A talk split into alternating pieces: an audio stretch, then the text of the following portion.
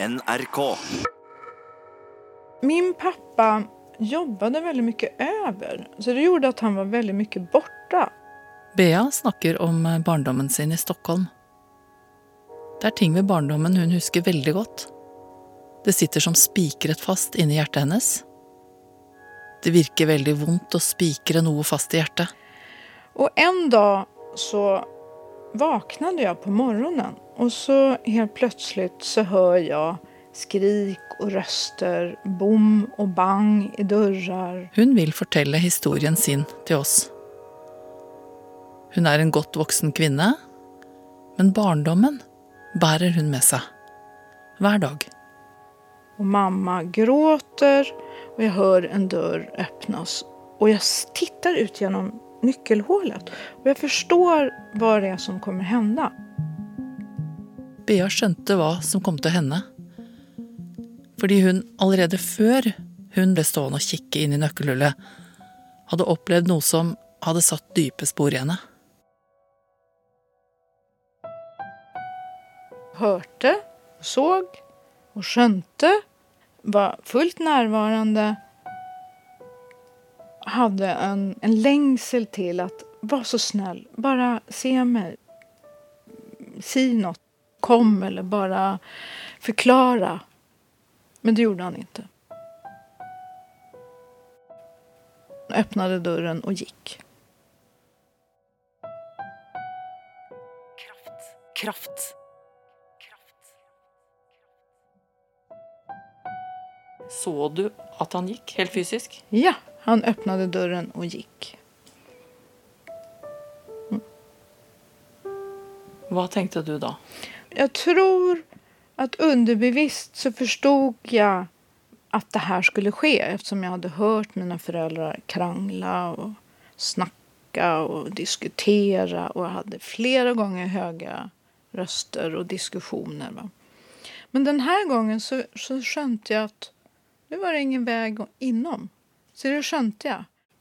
Men det jag hade hoppats på det var ju att han såg mig, hade bekräftat mig, förklarat och sagt att det var inget galt med mig.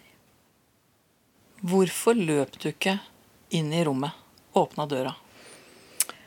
Jag visste inom mig att jag hade ingen chans på grund av att jag visste att far hade mött en annan dam. För det hade jag sett. Så då skönte jag att han skulle gå till den nya damen och den nya familjen. Så jag skönte att oavsett om jag löp efter så skönte jag att okej, okay, han hade valt mig bort. Det var tapt. Ja. Jag tänker nu efteråt att jag skönner att jag blev så pass både hjälplös av födelsen, rädd. Hur ska jag klara mig nu? Jag blev också makteslös i ben och armar. Så jag tror också utav chocken att jag inte klarte att beväga mig. Jag klarte inte löpa, jag klarte inte uttrycka något, jag klarte inte laga lyd eller... Utan jag blev kall och jag blev nummen, jag blev eh, förvirrad. Som gjorde att jag ja, började tänka på andra ting. Va? Börja fantisera eller begynte att träcka mig undan. Begynte att, att beväga mig väck ifrån människor. För de kunde jag icke stola på.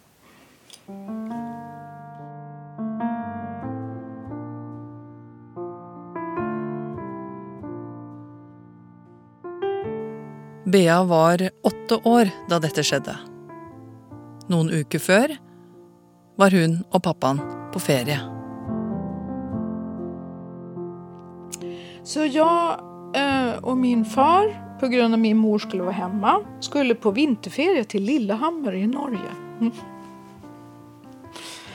Och vi åker buss från Stockholm, sätter oss på en buss och så reser vi på den här bussturen till Lillehammer på skidferie en uke. Under den här bussturen så försvinner min far väldigt många gånger från sätet. Så jag lurar på vad han tar väg men han säger att han ska på dov för toalett, det finns en toalett på den där bussen längst bak. Så jag tänker inte mer på det. Men sen när vi kommer fram och, och, och vi ska nästa morgon spisa frukost så sitter en annan familj i, eh, runt bordet. Och den, den familjen är en mor och det är en son.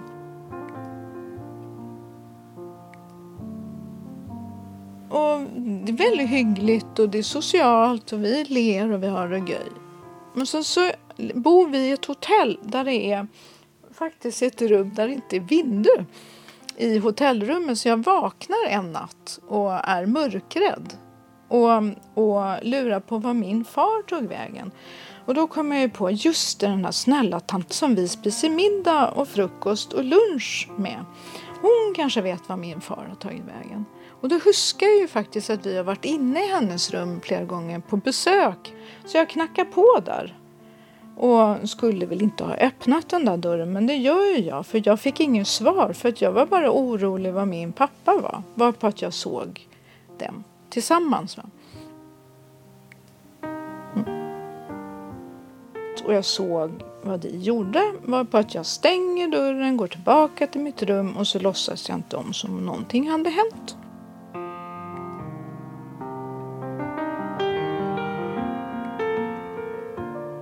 De, jag tror inte de hörde mig för jag var så tyst. För jag lutade på om tanta sov.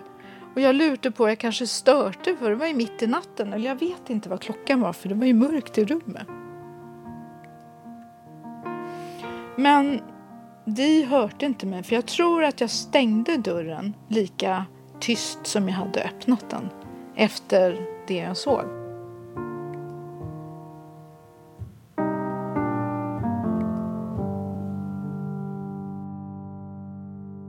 Nästa morgon när jag vaknade, då sa jag ingenting. Jag tyckte det var, det var någonting som inte stämde och nästa morgon när vi gick ner och spiste frukost så skönte jag att jag skönte att det var något som var galt men jag sa ingenting. Mm. Inombords så skönte jag, uh -oh. Jag skönte du vad det var, tror du? Jag skönte att jag icke var nummer ett längre. Men var det i störst grad det att han hade stuckit från dig eller var det det att han var där? Det var, alltså, jag hade ju allt det här från mina ögon, från barnets ögon. Så det var ju att jag blev förlatt. Mm. Du tänkte inte så mycket på vad de gjorde där samman? Nej, det var mer att jag följde mig förlatt att jag icke var betydelsefull eller att jag icke var den som han brydde sig om eller såg eller jag icke kunde längre krypa upp i hans knä när jag var rädd eller spurra om hjälp.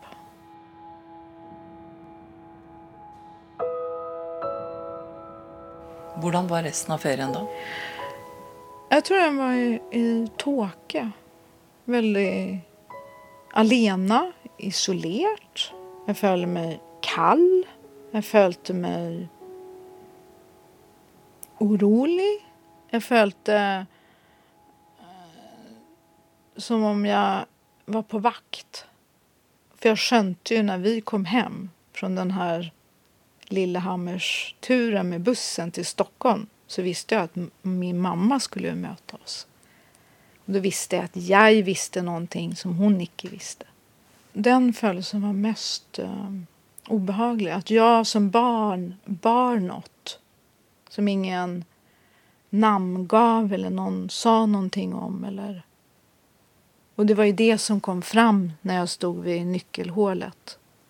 Det var ju det de bråkade om för då hade min mamma skönt att min far var otrogen. Och detta hade ju pågått ett tag men det var ju då hon uppdagade, det var då han öppnade dörren och lämnade familjen. Mm. Denna historien har präglat hela Beas liv. På visitkortet hennes idag står det psykoterapeut, specialisering i chock och traumer. Jag tror jag begravde många av dem, både födelserna, sanserna mina, intrycken, minnena. Jag tror jag begravde en del av mig. För där och då så skönte jag att nu må jag klara mig själv.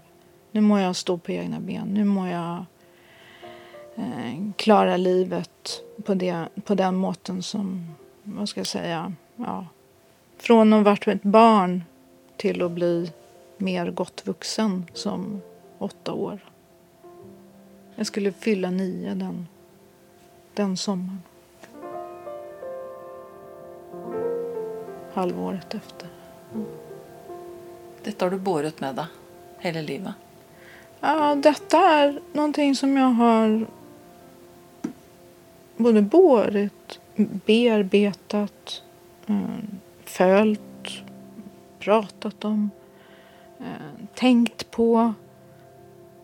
Någonting som eh, har präglat mig, eller blivit den jag har blivit den jag är idag på grund av den här. Både på gott och ont.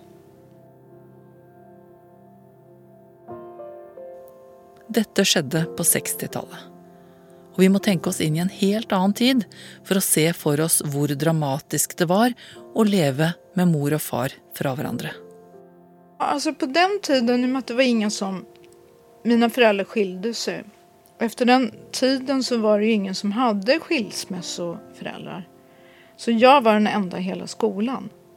I, idag så är det många som har föräldrar som har skilt sig, inte bor samman. Va? Så de barnen finner varandra.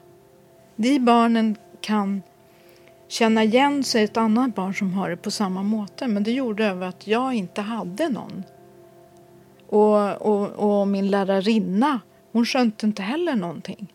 Så från att ha varit, vad ska jag säga, ja, bäst i klassen, väldigt smart, väldigt uppåtgående, glad jänta så blev jag en jänta som blev väldigt isolerad, träckte mig in, eh, tog icke plats, eh, var, blev väldigt försiktig och, och började drömma mig väck. Det var en annan måte att tackla ting på den gången. Man tänkte annorledes om barn. Jag huskar en gång vi skulle på sån här klassföräldrasamtal med lärarinnan. Och då kom jag och min mamma samman. Och då var ju min mamma väldigt, väldigt ledsen fortsatt från den här skilsmässan. Så att hon tog plats. Så när vi kom till klassesamtal för att lärarinnan var bekymrad om mig. Hur har Bea det? Hur går det för henne? Hvordan, vad tränger hon? Hur kan vi supporta och hjälpa henne? Ifrån den situationen som var så tog min mor den platsen med hennes emotioner, hennes behov, hennes födelser. Och det gjorde ju än en gång till att jag fick bekräftat att ingen skönner hur jag gör det. För det var ju synd om henne för att hon hade blivit förlatt. Men på den tiden så tänkte man ju inte på barn. Man tänkte inte hur barn kan reagera eller hur ser symptomen, symptomen ut eller hur blir konsekvenserna av det här. Alla människor går genom livet med en slags handlebag i den ena handen. Ett drass man har med sig som kallas barndom. För noen är det inte et drass, men en liten gave de tar med sig rundt i livet. Og för andra så är det en blytung, en uhåndterlig bag med vonde håndtak. Något som hämmar fri utfoldelse. Någon kikar upp i bagen och tar fram enkelthistorier, bearbetar dem och lägger dem tillbaka i bagen. Och då kan bagen kännas lättare att bära. Men för många upplever de att det som ligger oppi bagen, påverkar de valgene de tar i livet efterhvert. Och noen gånger är det valg som de missliker i etterkant. Men du säger det har präglat hela livet ditt. Mm. Ja, det har varit väldigt, om jag ska säga zigzag eller kringlat till krokat Till väninnor, relationer till käraste, relationer till eh, vuxna på, eller arbetskollegor så har ju allt det här präglat mig. Hvis vi fortsetter bildet med bagen vi alle bærer med oss, som er vår egen barndom, og som for noen er stor og tung og krevende å drasse med seg, så kan man si at Bea har gjennom livet blitt flink til å bære den tunge bagen ganske usynlig. Antingen har jag på något sätt sett ut utifrån som jag har klarat det väldigt fint och är väldigt kapabel och varit väldigt god på att kompensera. Medan inuti så kanske det har sett ut som om inne mig naturligtvis att jag har varit orolig, jag har varit rädd, jag har varit eh, eh lura på hur ska jag klara det här, var det här för vanskligt? Jag har haft väldigt mycket oro och mer rädsla på situationen mer än att jag har turt att visa utåt. Då. Mm. detta går fint, det går bra, jag klarar mig fantastiskt, inga problem. Och det är den bilden jag hade till min mamma och pappa. Som vuxen också. Det tog många år för mig att förtälla för dem hur jag hade haft det och hur jag hade reagerat eller hur jag hade det egentligen. Men en dag då hon var blivit vuxen så sørget hon för att mor och far fick veta hennes version av hva hun hadde opplevd som barn. Alltså, jag, jag tänker att jag är väldigt stolt av mig själv men det jag gjorde var att dra dem till familjeterapi när jag var gott vuxen för att och, och visa min sida av det här eller förtälla dem hur det var för mig eller förtälla dem hur jag hade reagerat och hur jag det idag. Hon gjorde det Ikke for å hevne seg, men för att hon själv skulle få det bättre. Då hade jag haft många relationer som inte hade fungerat. Va? Och jag lurade på vad var det som var galet med mig. Vad var det som inte fungerade? Och varför kunde inte jag ha en god relation? Va? Hur reagerade de på det då? Ja, det var ju naturligtvis oroliga. Det var ju... Det blev ju tatt emot på allvar. Och jag kommer ihåg till och med, det var hos en psykiatriker och han tog dem in på enirum för att förtälla dem att detta går fint, hon mår bra, det går fint. Eh, för att roa dem ner. För jag tror att de var mer oroliga än vad jag var. För jag var ju sint. Jag var sint som en eh, löve. På att nu, nu är det dags för mig och nu tänker jag inte eh, låtsas som eller köpa något mer bullshit om jag säger så. Då. Och, och, det var nog väldigt omvälvande för dem. För de, de, jag tror att de inte hade skönt någonting. De hade inte skönt det. De hade inte sett det. De hade kanske nog med sig själv. Det har många i en kris, dessvärre. Har du ett förhållande till dina föräldrar idag? Ja, jag har ett förhållande. Jag har mer en god relation med min mor i och med att jag träffar henne oftare, har en jämlik kontakt. Medan jag träffar min far mindre. Föräldrarna till Bea lever idag i vart sitt land utanför Norge. Men før denne samtalen ble publisert her i Kraft, så har jeg tatt kontakt både med mor og far. Og de har godkjent at vi forteller denne historien. Og begge sier det er riktig det Bea forteller. Sånn var det. Jag, jag följer mig ganska stolt. Jag, känner, ja, jag följer mig stolt, det kan jag säga. Jag följer mig stolt för att jag har processerat det här. Jag följer mig stolt för att jag kan följa empati för mig själv på den, alltså när jag ser tillbaka. Jag följer mig stolt för att jag kan prata med dig om det. Jag kan dela med mig någonting. Jag känner att jag har något viktigt att dela.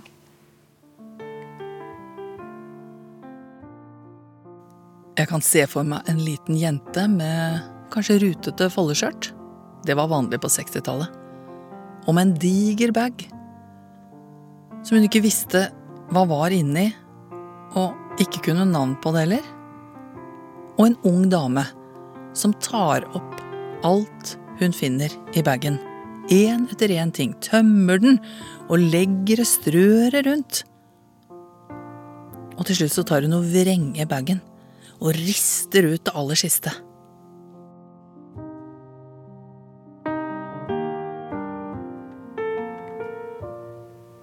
Har du blitt ferdig med barndommen din, eller strever du med dette fortsatt?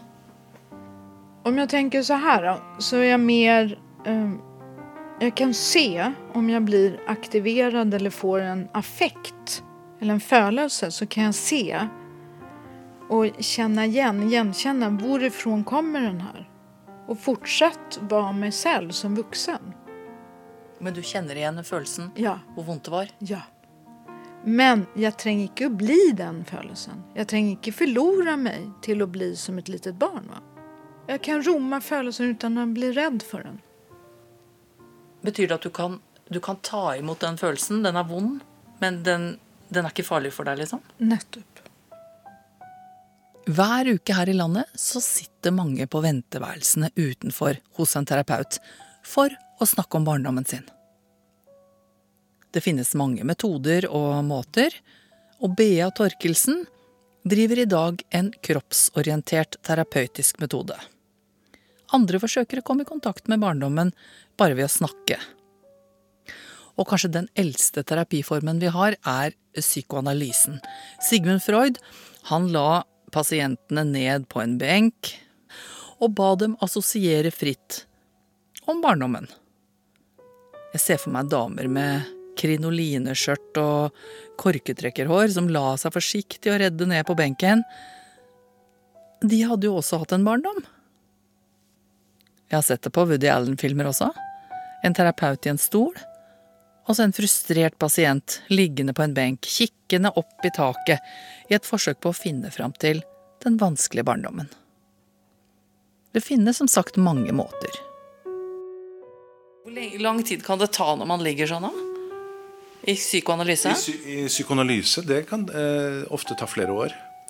Og det er jo den, den behandlingen som er, er mest dyptgående. Karl Eldar Evang er psykoanalytiker, og jeg har lagt meg på benken bare for å teste følelsen. De lager på en måte en slags helt parallell reise med livet, nesten, som foregår over flere år. Hvor de da, fordi det da er så mange dager i uken over så lang tid, så kommer man liksom helt inn i barndommen på en måte. Jeg vet ikke om du kjenner det, men når du nå ligger ned, det er noe, det er noe litt annet enn å sitte. ikke sant? Så på en måte så innbyr den situasjonen til å gå litt dypere, også inn i barndommen. Selve situasjonen. Men betyr det at hvis jeg ligger her nå i flere år, flere ganger i uka, var det du sa? Mm. Ja. Så Kanskje fire ganger i uken. Fire ganger i uken? Ja. Og så ligger jeg og ser opp i taket her. Og da spør du meg da konkret om hva skjedde når du var fire år. Er det sånn? Nei. Det er litt sånn forestillingen om psykoanalyse er, litt, er den at vi sitter og graver på en måte med en sånn minigravemaskin. Og liksom hva, hva gjorde du da? Hva følte du da? Jeg trodde nesten at jeg måtte være baby og sånn òg, jeg. Nei, det må du ikke. Altså det, det, som Vi forholder oss alltid til her og nå. Hva pasienten eller hva analysanten hva som dukker opp i, i, i hodet av følelser og tanker. Veldig ofte så er det fra, fra hverdagen. Fra arbeidsplassen. Fra forholdet til partneren. Fra en angstepisode som var så ekkel at jeg orker ikke å snakke om det med noen før jeg kommer hit i timen med deg. Og de gangene vi snakker om barndommen, er det når pasienten selv assosierer, kommer på eh, ting i barndommen som kanskje minner om nåtiden. Sånn at det er ikke analytiker som driver og presser barndommen på, på analysanten. Det er barndommen som presser seg på når vi forholder oss til hverdagen. Kan jeg reise meg opp? Ja. ja jeg meg opp her. Men det jeg tenker på, er at er det ikke sånn at stort sett alt man gjør i dag, er på bakgrunn av hva man har opplevd som barn? Jo, det er ikke sånn at det eh, er nødvendigvis sånn at man kan finne den eksakte historien hvorfor ting henger sammen. Det er i hvert fall ikke én historie vi graver etter. Det er på en måte mer at hele historien kommer til liv. Sånn at man kan eh, kanskje i litt større grad enn man eh, kunne før, kan velge litt hvordan retning man vil ha i sitt eget liv i forhold til det som har kjentes veldig låst, f.eks. i kontakt med foreldrene eller i foreldrenes liv. Nå driver det noen og, og bygger opp et stillas utafor her. Ja. Skal de pusse opp, eller? Eh, ja, de skal nok sikkert eh, pusse opp. Så vi er veldig heldige nå, kan du si, at de ikke bruker sånn mursliper på, på Men jeg, veggen. jeg bare tenkte på den bankinga. Ja. Det, da, da tenker jeg på Det kan vi bruke til noe, for å si det sånn. Ja. For det er på en måte at Hør nå. Nå banker de. ja, nå banker de. Og det er det vi gjør òg. Vi banker på liksom til barndommen og sier at hallo, hallo, altså, det er noe med det der. Jeg fikk en ekkel følelse nå når jeg var på dette middagsselskapet i, Ja. i forrige søndag f.eks. eksempel Og da var det noe med mora mi som jeg tenkte Og sånn var det når jeg var barn. Altså at man Ja. banker liksom på. Barndommen banker på, og så prøver vi i analyserommet å kjenne etter hva som, som, som hva, kan, hva, var, hva, var, hva slags følelse var det egentlig? Hvordan var den følelsen egentlig? Fordi fortiden på en måte har festet seg her i rommet. Den, den gamle melodien spilles også her inne. Det finnes muligheter til å hente fram det du har opplevd da du var barn, og forholde seg til det. Og kanskje etter hvert leve med det på en annen måte. Men helt kvitt barndommen blir du aldri. Og så vil kanskje noen si heldigvis. Tenk på alt det grunnleggende jeg lærte om livet. Tenk på alle de gode stundene. På de lange sommerkveldene og pinnebrød på bål og fotballturneringer i skolegården og Ja, du har det med deg. Som et stødig sementlag. Nederst, innerst, som en grunnmur. Og når det er en konstruksjonsfeil eller en sprekk i grunnmuren som skyldes det du har opplevd, som du helst ville unngått, så fins det altså folk som kan møte deg og ta fram reparasjonsutstyr.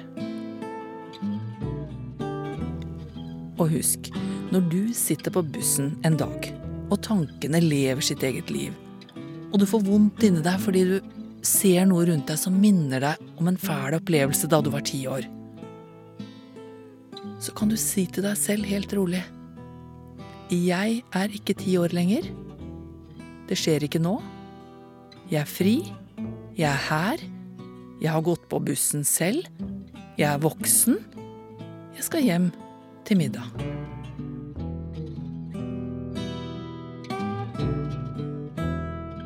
Kraft. Kraft. Dette er den siste episoden i høstsesongen av Kraft. Og jeg er så takknemlig for alle som jeg har møtt denne høsten. Og som har delt ulike historier og kloke tanker. Og så er jeg veldig glad for alle som skriver til oss her i Kraftredaksjonen. Enten om livet sitt, eller om de kommer med tips eller en historie som bør fortelles. Og jeg gleder meg til alt det jeg skal dele med dere i 2019. Vi har allerede mange ideer og planer, og Kraft er tilbake i begynnelsen av januar. Kraft. Kraft.